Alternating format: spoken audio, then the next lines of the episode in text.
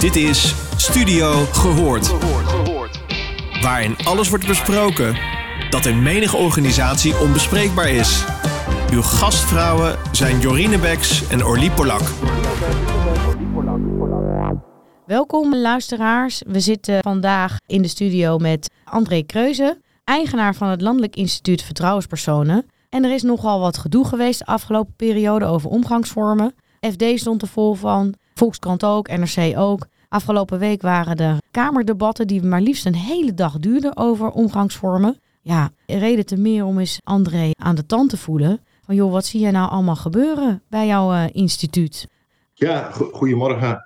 Of goeiedag moet ik misschien zeggen. Ja, er is veel gebeurd sindsdien. En wat in eerste instantie eigenlijk was, is de uitzending van Boos die, die werd uitgezonden de dag daarop, en dat hebben we ook echt kunnen waarnemen, is dat veel mensen daarover gingen spreken. En dat deden ze in allerlei vormen. Maar gelukkig bijvoorbeeld ook gewoon bij de koffiemachine, dus collega's onderling, waar het voorheen helemaal niet aan de orde was, maar nu dan toch wel het uh, bespreekbaar maakte. Verder zie je organisaties, en dat was de eerste weken was dat, en dat loopt nog steeds door trouwens bij ons ook, gezien het aantal aanvragen. Met name gericht op van, ja, bij Boos bleek uiteindelijk, of naar aanleiding van de uitzending van Boos, bleek dat, zoals bij The Voice, de dingen gebeurden die ja, eigenlijk onder de radar plaatsvonden. En dat organisaties ook zeggen van ja, hoe zit dat eigenlijk bij ons? Zou het ook zo kunnen zijn dat ja, de dingen die we niet horen of niet zien, er toch wel zijn? Dus op basis daarvan ja, zijn best wel veel aanvragen die er komen voor, voor het onderzoek doen bijvoorbeeld. In algemene zin, maar soms ook wel wat verder, wat, wat dieper, naar aanleiding van signalen bijvoorbeeld. Wat ook we zien is dat ja, het de organisaties wel wakker geschud heeft. En dat het weer bovenaan op de agenda staat. We stellen eigenlijk dat nou, sinds de MeToo er best wel aandacht besteed is door organisaties aan het inrichten van beleid bijvoorbeeld voor ongewenste omgangsvormen of het voorkomen daarvan.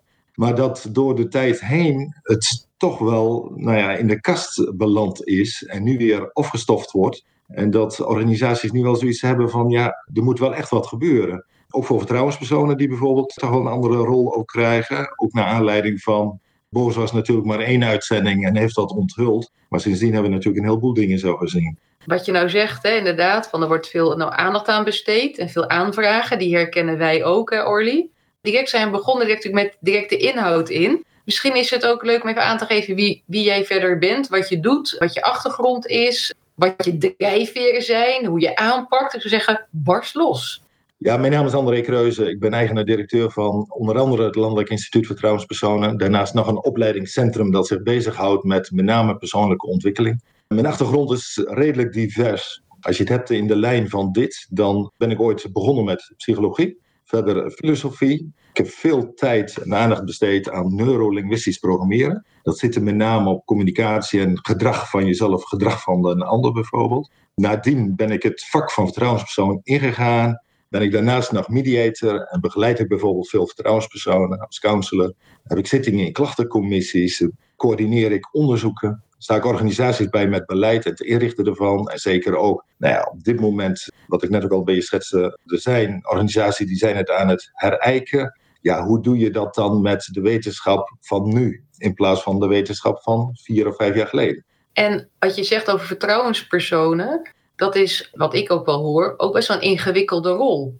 Je hoort zaken, maar je hebt niet direct invloed, wat ik begrijp, hè, qua soort klokkenluider, dat, dat hoort er niet bij. Dus je bent een soort meningloos persoon die er wel is voor die ander. Of zeg ik dit nou te kort door de bocht? Nee, het, het, klopt wel wat je zegt. Een vertrouwenspersoon, ja, die gaat er vertrouwelijk mee om. En als de klager of de melder die bij de vertrouwenspersoon komt er verder niets mee wil doen, ja, dan zou het daar kunnen stoppen. Nu zie je wel dat vertrouwenspersonen ook wel een signaleringsfunctie hebben. Dus als ze meerdere meldingen krijgen over één persoon, ja, dan zou een vertrouwenspersoon wel actie kunnen ondernemen. En als ik een voorbeeld daarvan mag noemen, afgelopen week bijvoorbeeld bij best wel een grote organisatie. En er zijn veertien vertrouwenspersonen daar actief. Dan zeggen ze ook van ja, stel je voor dat er een klacht gedaan wordt bij één vertrouwenspersoon over een persoon en een ander doet dat bij een andere vertrouwenspersoon. Ja, zijn er bijvoorbeeld ook mogelijkheden om dat te bundelen, waardoor de signalen toch wel wat duidelijker worden.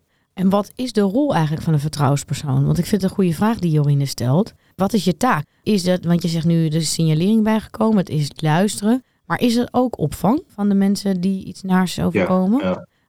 Als je eh, kijkt wat het beroepsprofiel is, dan wordt eigenlijk gedefinieerd in drie kerntaken. De eerste kerntaak staat voor het opvangen en begeleiden en ondersteunen van de klager, CQ melden. De tweede kerntaak is voorlichting geven en PR binnen de organisatie. En kerntaak drie, dat is het gevraagd en ongevraagd adviseren van bestuur en management. En wat baart jij nou de meeste zorgen afgelopen tijd?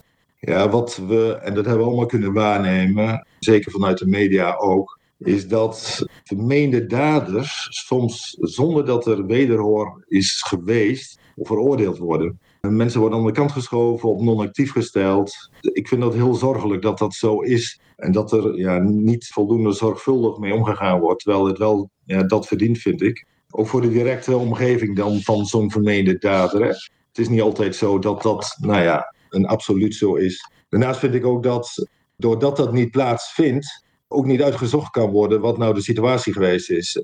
binnen welke context iets plaatsgevonden heeft. En ik snap wel de beweging die organisaties maken hoor. Dat ze zeggen van ja, dit is niet te tolereren. Wat we hier zien. Maar vaak is dat maar een heel klein stukje. En op basis daarvan worden beslissingen genomen. Dus wat ik wel interessant vind wat je zegt. Is we hebben best wel veel gehoord en gelezen natuurlijk allemaal. Over die opmerkingen van ja, er waren toch loketten. Maar als er niemand naartoe durft. En jij kaart nu iets anders aan qua zorg. Hè? Dus de zorg zit hem dan niet in dat mensen durven aan te geven dat er iets aan de hand is en dat ze inderdaad stappen ondernemen. Maar jouw zorg, hoe ik die nou interpreteer, zit hem erin dat we te snel veroordelen in plaats van hoor en wederhoor toepassen. Ja, dat klopt. Daar heb je zeker een punt, uh, Jorien. Ja, organisaties die doen dat soms te actief. Iemand aan de kant zetten of op non-actief.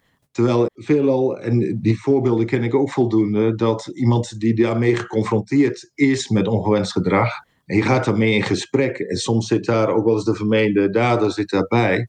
Maar in ieder geval het vermeende slachtoffer, het slachtoffer zelf, zegt over het algemeen ook van ja, weet je, diegene die hoeft niet uit zijn functie gezet te worden. Tenminste niet altijd. Hè? Alleen wat hij doet, dat vind ik niet oké en de gedrag moet stoppen. Kan het ook zo zijn dat dat juist dus een drempel opwerpt? Dat is natuurlijk best wel ook iets dat je als organisatie nou misschien denkt, we moeten echt handelen. Dus als ik iets hoor binnen mijn organisatie, dan moet dat direct, moeten we echt stappen ondernemen. We moeten tot actie overgaan. Maar al ligt dat juist als je tot zulke actie overgaat, dat het misschien juist een drempel opwerpt. Dat je denkt, ja, maar als ik het zeg, wat heeft dat voor gevolgen daarvoor? Dus misschien kan ik het beter niet zeggen. Dus dat op een andere manier, door juist dat handelen, nu extra drempels creëren. Zou dat kunnen? Hoe zie jij dat? Ja, ja, ja, dat klopt. Dat klopt. Ik was is een aantal weken geleden bij nou, een grote zaak die ook de media behoorlijk gehaald heeft, betrokken. En een van de dingen was ook, een van de klagers, zeker melders, heb ik bijgestaan. En een van de eerste dingen is ook toen diegene op non-actief gezet is, of eruit gekegeld is eigenlijk, dat ze contact opnamen en zei ze van, André, dit heb ik nooit gewild. Dit is mijn schuld. Hij had niet ontslagen moeten worden. Dus dan ontstaat daar een schuld ook weer. En dat zou dan inderdaad zo kunnen zijn dat het die impact heeft op sommige mensen. Aan de andere kant is dat niet de verantwoording, vind ik, van de klager of de melder, maar is het de verantwoording van de organisatie. Om daar op een gepaste manier voor alle mensen mee om te gaan. Ik denk dat organisaties vooral bezig zijn met cover your ass. Je ziet dat wij een samenleving aan het eh, creëren zijn waarbij je al veroordeeld wordt voordat je überhaupt kans hebt gehad om je te verdedigen of dat je casus is onderzocht. En daar bedoel ik eigenlijk heel specifiek mee alles wat op social media komt. Want ook al zou jij onschuldig zijn, het is eigenlijk al kapot. Want eh, je kinderen hebben het kunnen zien, je vrouw heeft het kunnen zien. Iedereen vindt er al wat van. Mensen reageren onwijs op elkaar. Dus als je zelf niet mee veroordeelt en je praat helende woorden, dan krijg je zelf de goede gemeenschap over je heen. We zijn toch wel eigenlijk aan het veranderen, weet je. We zijn best wel afstraffend geworden. En het is niet alleen mannen, hè? want ook de man kan het gelezen hebben. Als je kijkt naar het incident bij Volt was het toch? Waar ze nu ook zeggen van ja, weet je, hoe zijn we daarmee omgegaan? Ja, dat is een conclusie die dan achteraf getrokken wordt. En dat gebeurt vaker hoor. Ik heb ook wel meegemaakt, dan gaan er aangetekende stukken gaan uit naar iemand die ook vermeend dader is. En dan komt men er een aantal uren later achter van ja, ons beleid heeft toch wat anders en dus misschien toch niet de juiste aanpak. En hoe kunnen we het aangetekende stuk weer terugkrijgen voordat het de ontvanger bereikt? Wat als je dat nou, weet je, je hebt volgens mij een vrij heldere analyse. Wat je nu aangeeft over de zorgen die je hebt, het handelen van organisaties. Wat Orly ook zegt, we gaan steeds meer veroordelen. En heel kort door de bocht, hè? van Cover Your Ash. We willen het niet. Weet je, dat is altijd het mooie. Als niemand die zegt, nou, we willen gewoon heel graag iemand beschadigen. Uh, degene die het gedrag vertoont, in de basis geloof ik ook dat de meerderheid het niet echt heel erg bewust doet. Dat het vreselijk onhandig is in vele gevallen, maar niet bewust. Wat adviseer jij? Heb je nog bepaalde concrete tips of stappen? Of ja, wat, wat zou je eigenlijk de organisaties willen meegeven als ze hier naar luisteren of niet? Ja, er zijn wel een aantal dingen eigenlijk. Over het algemeen kun je zeggen, het kan bijvoorbeeld in de cultuur zitten. Nou, de voorbeelden die we in de media gezien hebben, die hebben veel wel te maken waarbij er ja, hiërarchische verhouding is, in wat voor vorm dan ook. Hè. Dat kan zijn van uh, docent naar leerling, maar dat kan ook zijn naar stagebegeleider, naar de stagiaire toe. Binnen organisaties is het veelal toch een leidinggevende bijvoorbeeld. Hè? Ja, dan heb je een aantal dingen. Ik denk dat het goed is dat leidinggevenden zich sowieso bewust zijn van de macht en de invloed die ze hebben en de status die ze soms ook toegekend wordt, hè? ook van medewerkers uit.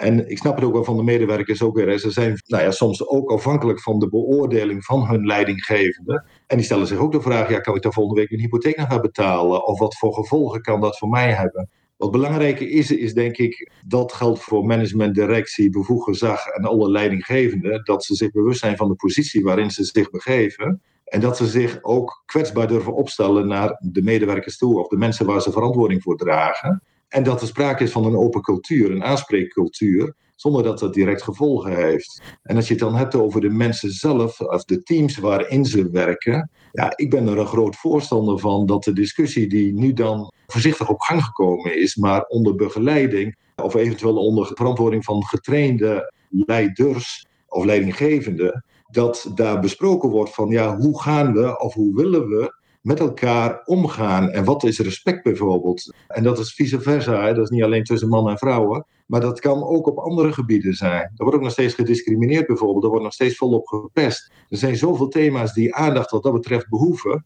En organisaties die beseffen dat ondertussen ook. Ook het belang daarvan. Want mensen die gewoon met plezier naar hun werk gaan en daar een sociaal veilige werkomgeving hebben en ervaren, die presteren beter. Ze functioneren beter, het is effectiever. Ze dragen verantwoordelijkheid voor elkaar, voor het team, voor hun eigen aanwezigheid. Maar daarnaast kunnen ze elkaar dan ook aanspreken. En als ze met elkaar die afspraken gemaakt kunnen hebben, ook van ja, hoe gaan we dat hier met elkaar doen? Ja, dan krijg je een prettige samenleving, denk ik. En ja, hij doet natuurlijk ook onderzoek. En wij hebben wel vaker gesproken over ongewenste omgangsvormen. Rank is er eentje die je, die je heel veel terugziet, ook in de media. En jij noemt het zelf ook. Maar ik kan me ook wel voorstellen dat er andere aspecten zijn die in je bedrijf gebeuren, waardoor je gevoeliger bent voor dit soort negatieve omgangsvormen. Zie jij een aantal van die aspecten als rode draad? Nou ja, de afgelopen periode is dat denk ik ook eh, meer dan eens gebleken. Ja, waar de sprake is van misschien wel gelijkwaardigheid wensen, maar feitelijk niet zijn. En je hebt mensen die toch op een of andere manier misbruik maken van hun positie. En in de praktijk, eh, wat ik tegenkom, is vaak dat dat heel voorzichtig gebeurt. En dat kan het ene moment zeggen van nou wat heb je een leuk blouseje aan, maar de keer daarop, als er niet op gereageerd wordt, kan dat een overtreffende trap worden in de omgangsvorm en iemand steeds verder gaan. En in eerste instantie vindt degene die het overkomt misschien nog wel interessant, voelt zich misschien nog wel gevleid, maar daar zitten ook grenzen aan natuurlijk. En een ander ding wat je ook wel vaak ziet, en met de digitale media, ja, waar we allemaal de beschikking over hebben, is dat natuurlijk ook redelijk eenvoudig. Is dat men bijvoorbeeld via, nou, ik noem maar wat, app contact opneemt. En dat kan ook in eerste instantie een zakelijk karakter hebben. Maar als dat in de avonduren doorgaat, dan is het bijvoorbeeld ook al snel van, ja, maar ik moet zo meteen met hond gaan lopen. Oh, heb jij een hond? En kan iemand er min of meer ook ingezogen worden? En op het moment dat hij daadwerkelijk de grenzen ervaart, ja, ook bij zichzelf wel te raden gaat van ja, wat heb ik hierin gedaan? En heb ik zelf ook niet te veel aanleiding gegeven. Dus dan krijg je een hele lastige situatie.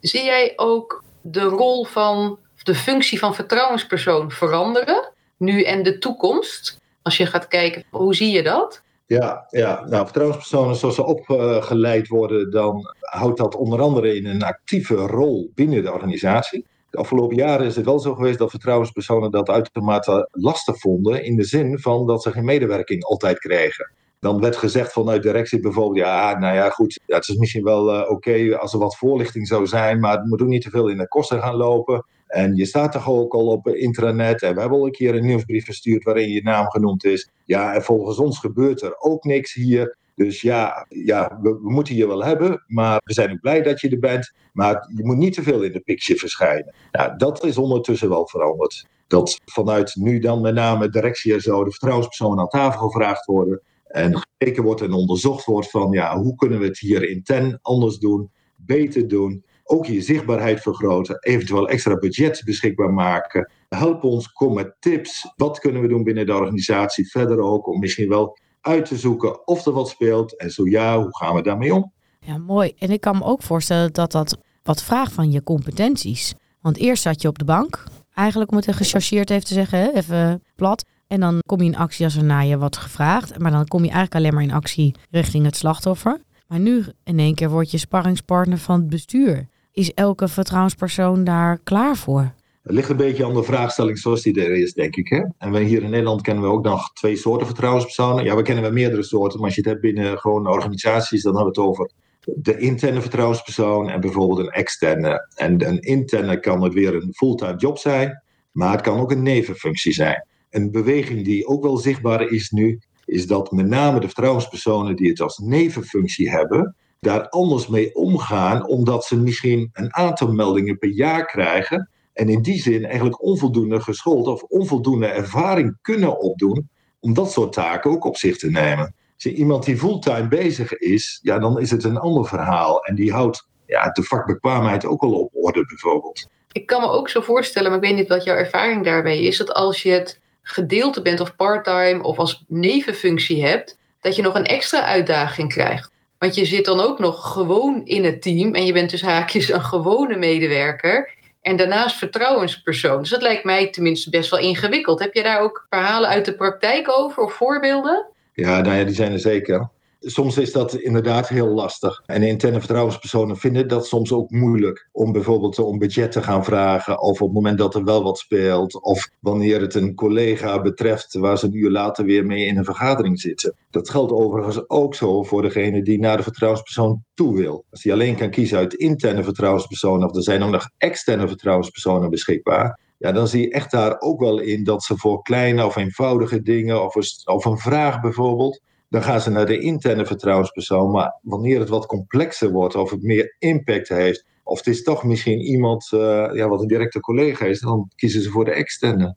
Is dat misschien ook een tip die je hebt van als je gaat kijken, want we hebben gekeken, dat het is al veranderd, hè, wat je aangeeft. Dus vertrouwenspersonen hebben al een, een andere positie nu door alles wat er is gebeurd ook. Hè. Een manplan en een drama, dan krijg je verandering. De functie, wat je net aangaf, hè, de behoefte. Maar is het misschien richting de toekomst ook een tip aan organisaties van zorg ervoor dat je een externe vertrouwenspersoon hebt? Ja, ja ik vind dat een hele goede tip. Als ik kijk vanuit ons instituut bieden wij ook vertrouwenspersonen aan. Daarbinnen kennen we ook weer twee vormen. En één vorm is bijvoorbeeld de externe staat naast de interne, dus ook gewoon in de frontlinie. En die gaan volledig mee in het proces. Maar we kennen ze ook en dan staan ze achter de interne vertrouwenspersonen. En dat betekent wel dat ze geraadpleegd kunnen worden, maar bijvoorbeeld ook beschikbaar zijn voor de interne vertrouwenspersonen.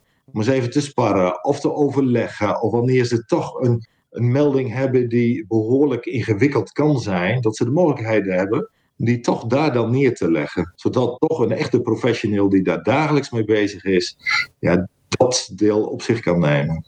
Dankjewel voor deze mooie podcast. We hebben een heleboel geleerd.